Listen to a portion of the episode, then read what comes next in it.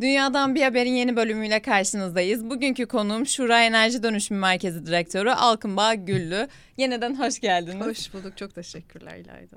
Ee, bugün sizin ağırlıklı olarak Şubat ayında yayınladığınız raporunuzdan bahsedeceğim. Aslında ilk sorumla da o şekilde bir başlayayım istiyorum.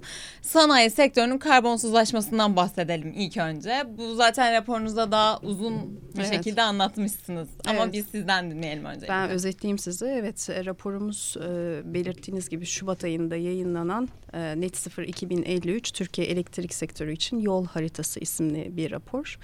Burada Türkiye'nin e, 2053 için ilan ettiği net sıfır hedefine nasıl ulaşabiliriz? Elektrik e, sektörünü odamıza alarak bunu yanıtlamaya çalıştık ama burada işte sanayi, binalar, ulaştırma gibi son kullanım sektörlerinde tabii detaylı bir şekilde inceliyoruz. Şimdi sanayi sektöründen bahsedecek olursak aslında tüm son kullanım sektörlerinde işe enerji verimliliğiyle başlıyoruz. Yani çünkü büyümeye devam ediyoruz. Bizim enerji talebimiz artıyor. Öncelikle bu artan enerji talebini e, mümkün olduğu kadar limitlememiz gerekiyor ki karbonsuzlaşma daha kolay olsun. Hatta raporda o kısımdan da bahsediyorsunuz bu dönüşümün gerçekleşmesi için enerji verimliliğinin e, en önemli... Evet, en, yani kilit e, evet. e, yenilenebilir enerji kullanımı enerji verimliliği ve elektrifikasyon Türkiye'nin net sıfır hedefine ulaşabilmesi için üç temel unsur. Bunları başarabilirsek aslında e, bu hedefe ulaşabiliyoruz. Şimdi sanayi sektöründe enerji verimliliğini nasıl sağlıyoruz ondan biraz bahsedeyim. Bu e, yani enerji verimliliği, farklı enerji verimliliği çözümleri, enerji verimliliği yöntemleriyle sanayi sektöründe zaten verimlilik sağlanabiliyor. Ama onun dışında şimdi önümüzde 30 senelik bir e, süre var. 30 sene sonra bizim net sıfıra ulaşmamız gerekiyor. Uzun geliyor aslında ama Aslında hiç uzun değil, değil. Yani böyle bir hedef için çünkü çok kapsamlı bir dönüşüm çok oldukça kısa bir süre bile e, sayılabilir. Şimdi bu 30 sene içerisinde sanayi sektörünün de bir dönüşümden geçmesi gerekiyor. Çünkü biz büyüyen bir ülkeyiz. Büyümeye devam edeceğiz. İşte gelir düzeyimizin artması gerekiyor. Hı. Refahın artması gerekiyor. Ekonomik aktivitelerin hiçbir şekilde azalmaması, e, artması, katma değerin de artması gerekiyor. Yani bizim bu hedefe ulaşırken ekonomik refahtan zaten e, hiçbir şekilde ödün vermememiz gerekiyor. Bu Türkiye'nin zaten kalkınma planlarında da sanayi sektörü için yer, yer alan dönüşümü bizim gerçekleştirmemiz gerekiyor. Bunun için hali hazırdaki işte düşük veya orta düşük teknolojili üretim modlarından bizim daha yüksek e, teknolojili, daha yüksek katma değerli, enerjiyi daha verimli kullanan üretim modlarına doğru kaymamız gerekiyor. Örneğin işte demir çelik üretiminde uzun ürünlerden işte inşaat için kullanılan demirlerden mesela daha yüksek teknoloji yassı ürünleri işte otomotiv için kullanılan ürünler vesaire gibi bir geçiş yapmamız gerekiyor. Burada mühendislik sektörünün biz itici güç olacağını öngörüyoruz. Yani işte elektrikli ev aletleri, havacılık sektörü, yenilenebilir enerji ekipmanları, gelişmiş yeşil ürünler gibi bizim e, daha yüksek teknolojili ürünlere geçişimiz zaten sanayide son derece ciddi bir enerji verimliliğiyle sonuçlanıyor. Yani talebi, enerji talebini ciddi şekilde biz azaltabiliyoruz. E, şu an enerji verimliliğinde ne noktadayız? E, şu anda Çev e, Enerji Bakanlığı'na bağlı EVÇET, e, Enerji Verimliliği ve Çevre Dairesi tarafından e, hazırlanan e, bir ulusal enerji verimliliği eylem planı var. Bu şu anda güncelleniyor. E, ona da biz aktif olarak e, katılıyoruz. Dolayısıyla tüm değer zinciri boyunca enerji verimliliğinde yapılması gerekenler e, detaylı bir şekilde aslında açıklanıyor. Ama e, bunların tabii önemli olan net sıfır hedefi doğrultusunda ekonominin tüm bileşenlerini, tüm sektörlerini içine alacak şekilde planlaması henüz bu e, mevcut değil. Yani e, kamusal e, bir net sıfır stratejisi bütün sektörleri içine alan henüz e, tam olarak ortaya konulmuş değil. Öncelikli olarak bunların yapılması gerekiyor. E, enerji verimliliğinin yanı sıra sanayi sektörünün karbonsuzlaştırılması için elektrifikasyon çok önemli olacak. Yani Burada örneğin işte elektrikli ark ocaklarının kullanılması hani fosil yakıt üretiminden elektrifikasyon yolu ile yenilenebilir enerjiden üretilen temiz elektriğin kullanılması ikinci yöntem. Aynı zamanda elektrifikasyon bir enerji verimliliği de sağlıyor bu arada. Yani iki yönlü çalışıyor burada. Bir de sanayide elektrifikasyonun mümkün olmadığı bir takım prosesler var. Yüksek ısı gerektiren prosesler. Burada da daha uzun vadede geliştirilen teknolojiler var. Mesela yeşil hidrojen gibi. Yani yenilenebilir enerji kaynakları kullanılarak. Aynen şu an çok popüler bir e, aslında konu. Dünyada da öyle, Türkiye'de de öyle. E, yeşil hidrojen ve türevlerini kullanarak, sentetik yakıtları kullanarak yine burada tam olarak bir net sıfıra ulaşan karbonsuzlaşma sağlamak mümkün. Şimdi ben aslında ilk soruda cevap verdiniz. Ee, yenilenebilir enerji teknolojilerinin yenilikçi hı hı. ve sürdürülebilir olması için neler yapılmalı vesaire. Ee, sizin de bu yaptığınız araştırma biz yayın öncesinde sizle konuştuk. Ee, aslında ilk örneklerinden olduğundan da bahsettiniz. Evet doğru. Böyle bir yol haritası siz bunu e, eksiğini görüp böyle bir çalışma yapmaya başladınız. Ee, aslında bu e, şu anda ilgili kurumlar tarafından da bu çalışmalar Hı-hı. yapılıyor. Hı-hı. Yani e, işte 2021 sonunda ilan edildi net sıfır evet. hedefi. Daha sonra Çevre ve e, Çevre Şehircilik İklim Değişikliği Bakanlığı, Enerji e, Bakanlığı vesaire çok geniş katılımlı çeşitli çalışmalar yaptılar. Yakın zamanda da bir ulusal enerji planı ilan edildi Enerji Bakanlığı tarafından ama bu 2035'e kadar olan hedefleri gösteriyor şu an 2053'e kadar e, gitmiyor. Dolayısıyla biz de e, kendi çalışmamıza bir şura senaryosu diyebiliriz burada. Onu oluşturmak ve elektrik e, sektörü için e, yol gösterici olmasını istedik. Tabii e, farklı yollarla siz bu hedefe ulaşabilirsiniz. Farklı senaryolar söz konusu olabilir. Ama hangi yolu seçerseniz seçin burada son derece kapsamlı bir dönüşümden bahsediyoruz. Yani sadece elektrik sektörü değil enerjiyi tüketen işte ulaştırma, binalar, e, sanayi gibi sektörlerin de çok ciddi bir dönüşümden e, geçmesi gerekecek. Tarım sektöründen Tarımda, bahsettiniz. Aynen. Şimdi e, o noktada bu araştırma Hı-hı. evet gerekli ve bu Hı-hı. bir yol gösterici. Onun haricinde hangi alanlarda boşluklar görüyorsunuz? Belki ilgiyi oraya da çekmeli dediğiniz neler var bu konuda? Ya aslında öncelikle burada bütüncül bir bakış açısı e, gerekiyor aslında. Yani bu sadece enerji politikasıyla tek başına iklim politikasıyla tek başına ulaştırma e, politikasıyla olacak bir şey değil. Burada ilgili bütün sektörleri ve ilgili bütün kurumları bir araya getirerek bu hedef kapsamında e, koordine edecek e, ve birleştirecek bir yapı gerekli. İlk önce hedeflerin belirlenmesi gerekiyor. E, ara yılları da baz alarak. E, daha sonra bu hedeflere ulaşmak için gerekli politikaların ve aksiyon planlarının her bir sektör bazında ele alınması gerekiyor. Yani bu işte enerji politikaları, iklim politikaları, işte ulaştırma sektörü çok büyük bir dönüşümden geçecek. Ulaştırma var, bunun içinde sanayi var, binalar var, tarım var. Onun dışında bu işin bir de finansmanı var. Dolayısıyla ekonomi, finans politikaları son derece önemli olacak. Yani bütün bu ekonominin bileşenleri olan ilgili sektörleri, ilgili kurumları bir araya gelerek bu hedef doğrultusunda bütüncül bir plan oluşması gerekiyor. Sağlam bir enerji dönüşümü politikası demişsiniz evet. şey, raporunuzda da ona ihtiyaç olduğunu söylüyorsunuz. Ee, burada aslında gözüme çarpan bir noktada da Türkiye'nin enerji talebinin 2030 yılına kadar zirve tepe noktaya ulaşacağı ardından da oradan gerileyeceğini Doğru. öngörülü görüyorsunuz. Evet. Burayı birazcık açabilir miyiz? Evet bu aslında sanayi e, kısmında bahsederken biraz e, ona değindim. Burada biz 2030 yılına kadar e, artan ekonomik aktiviteyle beraber talebin de artacağını e, görüyoruz. Hı hı. Enerji talebinin ama daha sonra enerji verimliliği uygulamalarıyla her sektörde işte elektrifikasyonun getirdiği enerji verimliliğiyle bir de örneğin işte sanayide bu bahsettiğimiz e, üretim e, tiplerindeki değişikliklerle ciddi bir e, enerji verimliliği oluşmaya başlıyor ve bizim enerji talebimiz e, giderek düşerek 2053 yılında 2020 seviyesine gerilemiş oluyor. Aslında raporun en önemli çıktılarından bir tanesi. Yani biz e, daha enerji yoğun, karbon yoğun sektörlerden, üretim modlarından daha verimli e, ve daha yüksek teknolojili üretim modlarına geçebilirsek e, her sektörde enerji verimliliğini maksimum düzeyde uy- uygulayabilirsek, elektrifikasyonu da sağlayabilirsek zaten bu verimliliğe ulaşıyoruz. Ee, sizin bir de şimdi bu yenilenebilir enerjide en çok günümüzde özellikle Türkiye'de güneş enerjisi ön plana çıkıyor. Hem e, kapasitesi olarak Türkiye'nin bu noktada avantajlı olduğunu da tüm Evet. raporlarda da okuyoruz Evet. aslında.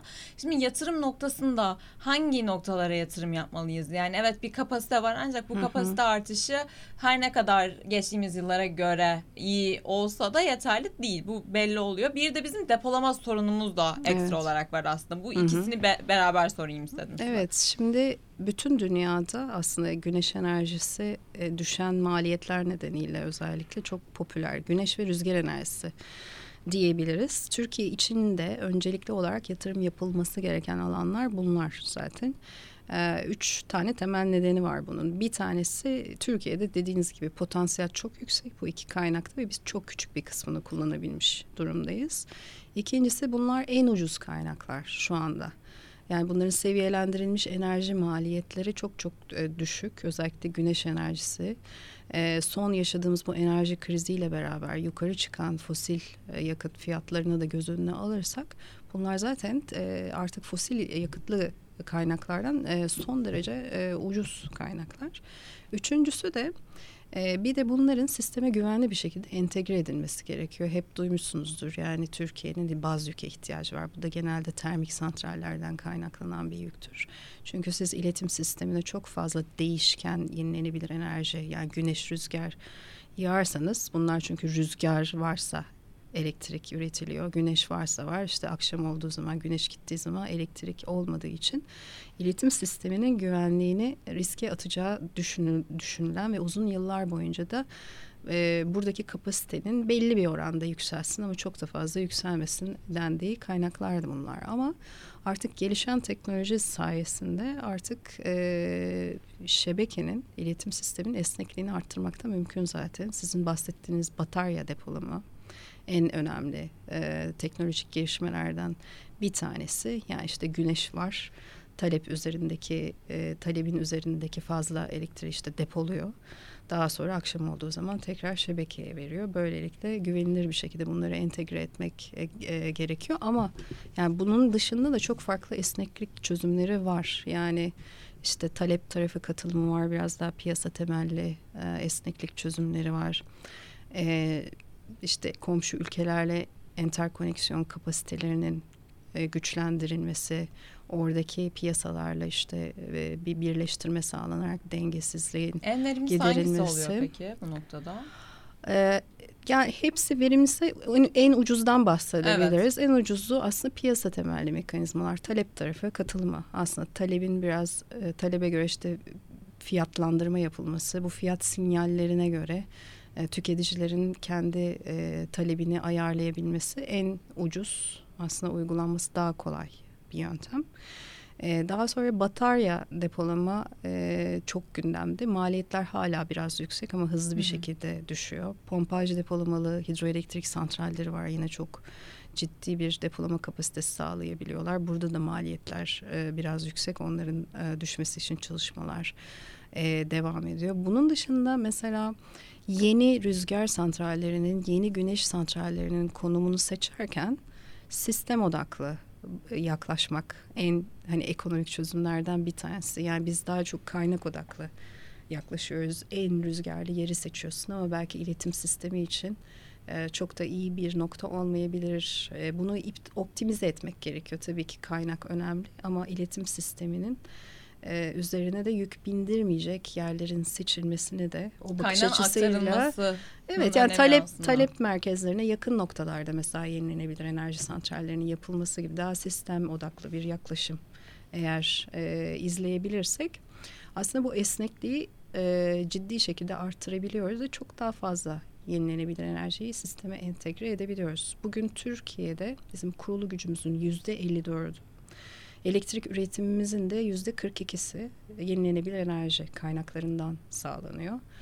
Ee, aslında e, işte özellikle son 10 senede uygulanan YEKDEM sayesinde elde ettiğimiz başarılardan e, bir tanesi bu. İyi bir durumdayız diyebiliriz elektrik sektöründen bahsedecek olursak. 2030'da bunun şura raporunda %90'a kadar çıkacağını öngörüyorsunuz. Ee, 2053'te 2053'te yüzde 90'a kadar çıkabiliyor. Bir, bir çalışmamız daha vardı bizim geçen sene Nisan ayında yayınlanan Türkiye Elektrik Sistemine Yenilenebilir Enerji Kaynaklarının Entegrasyonu isimli bir rapordu. Orada biz 2030 yani daha kısa vadeli bir çalışma yapmıştık. Net sıfır hedefi e, o zaman yoktu ama çok kısa vadede de bunu yüzde 42 de, demiştik bugün üretimdeki payı. E, yani 2030 itibarıyla eğer biz e, planlanan şebeke yatırımlarını yaparsak, şebeke yatırımları da çok önemli. Onları atlamayalım. Yani bir genişleme ve e, yatırım gerekecek orada. Ve bu e, esneklik seçeneklerinin, bu bahsettiğim esneklik seçeneklerini devreye alırsak, e, bu yüzde 42'lik oranı yüzde 60'lara hatta yüzde 70'lere kadar arttırabiliyoruz. Yani kömür üretimini örneğin ciddi bir şekilde azaltabiliyoruz. E, önümüzdeki 7 sene gibi kısa bir sürede. Bu şebeke geniş yatırımlarından bahsettiniz Hı-hı. siz de aslında. Burada da mesela örneğin şirketlerin kullandığı teknolojiler ağırlıklı olarak ne ya da biz bunların üzerine neler eklemeliyiz ki bu dönüşümü daha hızlı bir şekilde gerçekleştirelim. Zaten bahsettiniz az çok ama orayı birazcık daha detaylandırırsak. Evet, e, bu esneklik çözümleri dışında e, dijitalleşmeden bahsetmek gerekir aslında burada. Çünkü şimdi e, enerji sektörü artık e, çok hani bu dönüşümden bahsederken neden bahsediyoruz?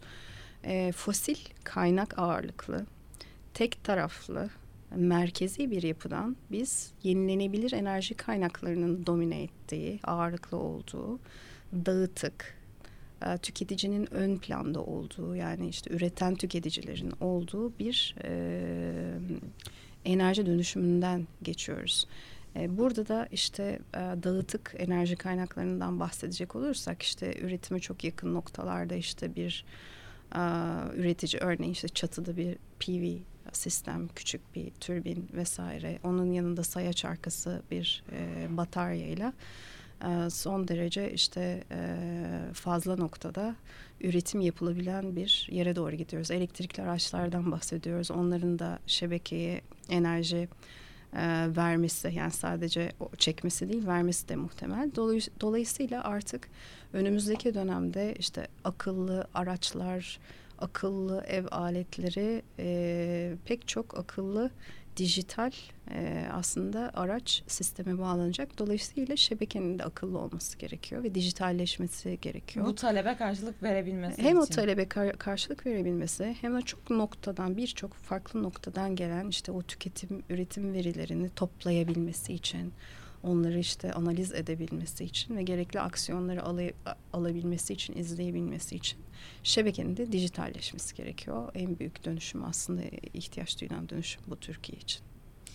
Ee, ben şunu da merak ediyorum. Şimdi size de bahsettik yayın öncesinde de e, hem bir öğrenci olarak hem de bu konularda ilgili olan birisi olarak bizi dinleyenlerin de eminim ki yaşı genç olan çok fazla kişi de vardır.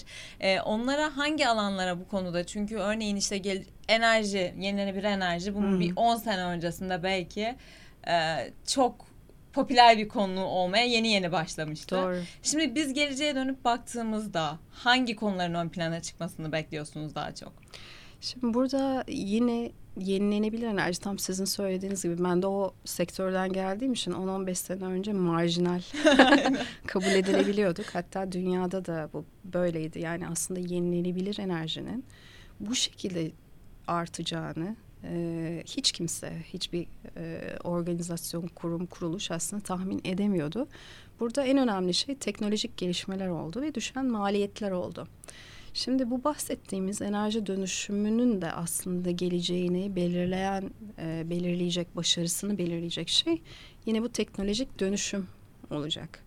Dolayısıyla e, yine e, temiz teknolojiler diyebilirim. Bu alanlara odaklanmasını tavsiye ederim ben öğrencilerin. Yenilenebilir enerji yanı sıra işte bu şu anda bahsettiğimiz bu bataryalar, batarya depolama, yeşil hidrojen, yenilikçi yenilenebilir enerji teknolojileri var. E, bu konulara bence yoğunlaşmakta fayda var. Bunun bir de ekonomik kısmı var. Yani e, işte bir teknik kısmından bahsettik. Bir de ekonomik kısmı var. Yani bunun için ne kadar yatırım gerekecek? Ciddi bir yatırım gerekiyor.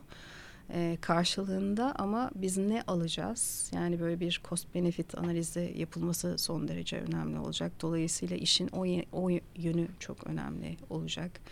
E, politikalarla ilgili kısmı olacak. Biz bu hedeflere ulaşmak için hangi politikaları izleyebiliriz Türkiye için? E, onun dışında işte belli sektörler, e, sektörlerde de bir dönüşümden bahsediyoruz. Sanayi sektöründeki dönüşümden bahsettik. E, ulaştırmadaki yeni teknolojiler var. E, onun dışında fosil yakıt sektörlerinin hani küçüleceğini, yenilenebilir enerji sektörlerinin ya da temiz teknolojilerle ilgili sektörlerinde tam tersine genişleyeceğini öngörüyoruz. Dolayısıyla burada da e, bundan hem işte faydalanacak olanlar var hem de olumsuz etkileri olacak bir takım sektörler var işte kömür üretimi gibi mesela. Dolayısıyla buradaki etkilerin yani olumsuz etkilerin minimize edilmesi için neler yapılmalı işte adil dönüşüm konuları gündeme geliyor. E, yani hem e, bu öğrenciler ister politika okusun, ister ekonomi okusun, ister mühendislik okusun aslında ben tamamen bu dönüşüme e, odaklanmalarını tavsiye ederim kendilerine. Çünkü bütün dünyada şu anda e, bu bir kalkınma paradigması olarak artık e, karşımıza çıkıyor. Yani başlamış bir dönüşüm. İşte biz buna e, 2050'de ulaşır mıyız, ulaşamaz mıyız? Bu bir soru işareti. Ama bu dönüşüm başlamış durumda. E, dolayısıyla bu alanlarda kendilerine uzmanlıklarına göre okudukları bölümlere göre bir konu seçmelerini tavsiye ederim. Zaten dediğiniz gibi çok farklı alanlarda her e, bu alana kesinlikle bağdaşabileceğimiz çok evet. farklı konular var. Bir de şunu sorayım ben son olarak. Şimdi marjinaldi dediniz ya. Bence de öyleydi bu arada yani. Hani 10-15 sene ön, yıl önce. Bu alanda bunu ciddiye alıp yatırım yapan ülkeler ve yapmayan ülkeler olarak ayırdığımızda kim daha çok yol kat etti? E, ciddi alanlar tabii ki erken başladıkları için. Yani şöyle tabii burada teknoloji geliştirmenin öneminden belki biraz bahsetmek gerekiyor. Çünkü Türkiye'de aslında e, başarılı olduğunu söyleyebiliriz yenilenebilir enerjide. Yani bahsettiğim bu oranlar yani yüzde 42'li 42'ler vesaire elektrik sektörü için Evet, ee, önemli paylar yani dün 2021 yılı itibariyle biz dünyada 14.'üydük Avrupa'da da 9.'uyduk aslında bakarsınız. Ee, ama tabii elektrik sektörü işin sadece bir parçası. Yani elektrik sektörü enerji sektörünün e, küçük bir parçası diyebiliriz. Diğer işte e, enerji tüketen son kullanım sektörlerindeki karbonsuzlaşmada biz e, aslına bakarsanız e, yolun e, başındayız.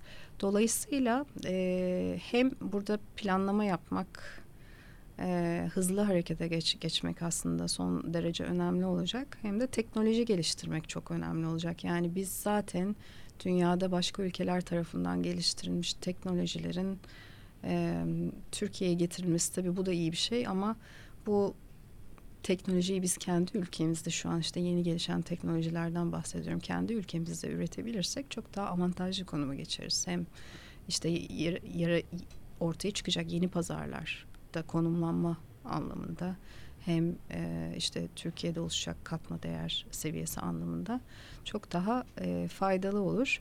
E, eskiden bu santraller, yenilenebilir enerji kaynakları pahalıyken alım garantileriyle bütün dünyada destekleniyordu. Türkiye'de zaten benzer bir yolu izledi ve 10 sene boyunca uygulanan bir yekdem alım garantisi vardı hı hı. dolar bazlı. O sayede zaten ciddi bir ilerleme kaydedildi.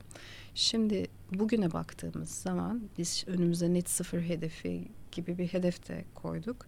Bu şu anlama geliyor. Yani yenilenebilir enerjide biz şimdiye kadar gösterdiğimiz hızın üç katını dört katına çıkmamız gerekiyor. Yani yatırım hızı anlamında. Çünkü sadece elektrik sektörü değil, işte diğer sektörlerin karbonsuzlaşması için de, yeşil hidrojen üretimi için de, elektrifikasyonla gelen ilave elektrik talebinde yenilenebilir enerji kaynaklarından sağlanması için çok çok ciddi bir yatırım yapılması gerekiyor. İşte e, raporda mesela 140 gigawattlık bir rüzgar enerjisi kurulumundan bahsediyoruz. 200 gigawattın üzerinde bir güneş enerjisi kurulumundan bahsediyoruz. Önümüzdeki 30 sene içerisinde. Ve e, şu anda bu kaynaklar ucuzlamasına rağmen Türkiye'de yatırım hızının da düştüğü bir noktaya geldik. Bunun sebebi teşviklerin Ee, bunun farklı sebepleri var. Ee, her şeyden önce bir yatırım ortamının, güvenli bir yatırım ortamının olması, öngör yani öngörülebilir piyasaların olması, fiyatlara çok fazla müdahale edilmemesi. Yani şu anda tabii bir enerji krizinin içinde olduğumuz için bir takım müdahaleler var. Bunların geçici kalması çok önemli. Yani kalıcı hale gelmemesi gerekiyor mevzuat açısından işte bakacak ol, ol, olursak eğer çok fazla değişen geriye dönük uygulamaların olduğu bir mevzuat olmaması gerekiyor. Biraz daha hani güvenilir, yol gösterici çok fazla değişmeyen bir mevzuat olması gerekiyor. İzin süreçlerinin standartize edilmesi, bölgeden bölgeye işte değişmemesi ve mümkün olduğu kadar kısaltılması önemli ve en önemlisi de tabii bu santrallerin finansmana erişiminin sağlanması. E, bugün e, yeni rüzgar, yeni güneş enerji santralleri, kapasiteleri YEKA yarışmaları yoluyla tahsis hı hı. ediliyor. Aslında çok ciddi bir kapasite her sene tahsis ediyor bu yarışmalar yoluyla. Ama gerçekleşmelere baktığımız zaman gerçekleşmelerin çok düşük olduğunu görüyoruz. 2017 yılından beri yapılıyor. Çok az bir devreye girme var. Uzun süreler e, söz konusu. Dolayısıyla bunları hızlandıracak e, bir takım mekanizmaları düşünmek lazım. Yani bu e, bir işte sabit fiyat garantisi olabilir. İşte oradaki e, eskalasyon formülünün biraz daha enflasyona karşı e, yatırımcıları koyacak şekilde değişmesi olabilir. İhale sisteminin bunlar gözetilerek e, aslında tekrar düzenlenmesi olabilir. Bir şekilde aslında e, daha basit düzenlemelerle bu finansa erişimi kolaylaştırmak mümkün. Bunları sağlayabilirsek zaten e, eskiden olduğu gibi yani bir 10 sene önce olduğu gibi Türkiye'nin e, yabancı yatırımcılar için de ben çok çekici olacağını düşünüyorum yenilenebilir enerjide yatırımların önünde bu şekilde açılır. Evet. Dediğiniz gibi. Bence hem öğrencilere hem konunun ilgilerine hem de yatırımcılara faydalı bir yayın oldu. Ben çok teşekkür ederim size. Ben de çok teşekkür ediyorum. Bu bölümde Şura Enerji Dönüşüm Merkezi Direktörü Alkın Bağgüllü ile birlikteydik. Bir sonraki bölümde görüşünceye dek hoşçakalın.